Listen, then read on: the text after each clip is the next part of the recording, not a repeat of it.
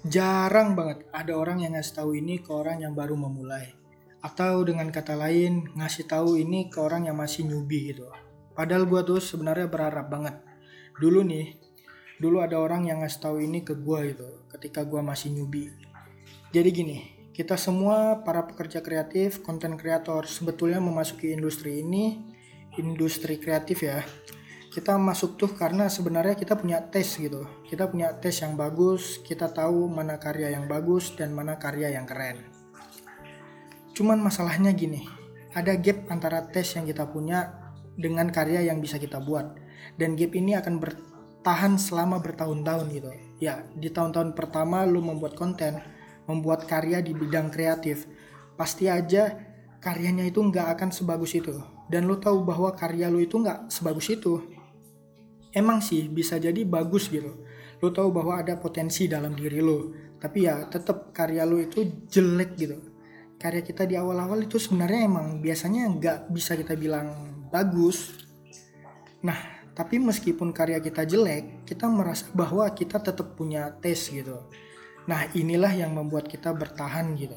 Karena kita tahu bahwa karya kita itu jelek dan kita bisa ngebedain karya mana yang jelek dan karya mana yang bagus tes inilah yang membuat lo nggak bisa puas dengan karya yang lo ciptakan di awal-awal. Sayangnya akan ada banyak banget orang yang nggak bisa melewati gap ini, gap antara tes yang mereka punya dan karya yang bisa mereka buat. Kenapa?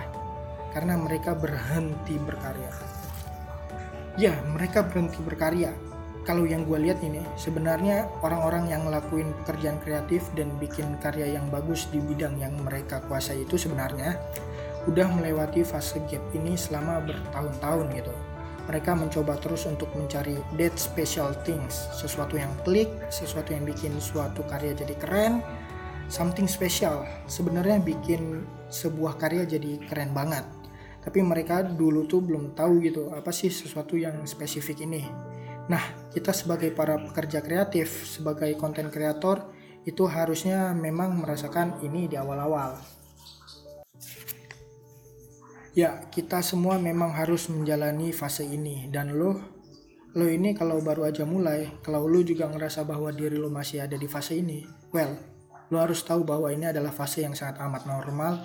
Dan satu-satunya hal yang menurut gue yang bisa lo lakukan adalah ya dengan terus berkarya gitu jangan pernah berhenti kasih deadline ke diri lo sendiri supaya ya, setiap minggunya bisa menghasilkan satu karya, satu cerita, satu konten. Gak perlu banyak-banyak dan gak perlu muluk-muluk. Karena gini, ini adalah satu-satunya cara buat menutup gap itu, gap antara tes yang lo punya dan kemampuan lo. Caranya adalah dengan bekerja semaksimal mungkin, bikin konten terus dan bekerja terus sampai akhirnya pekerjaan lo akan sesuai dan sebagus ambisi dan tes yang lo punya.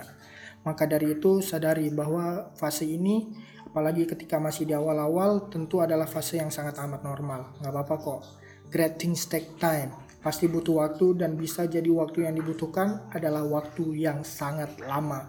Ini adalah satu pesan utama buat lo yang baru mau mulai jangan berhenti, dan jangan pernah berhenti.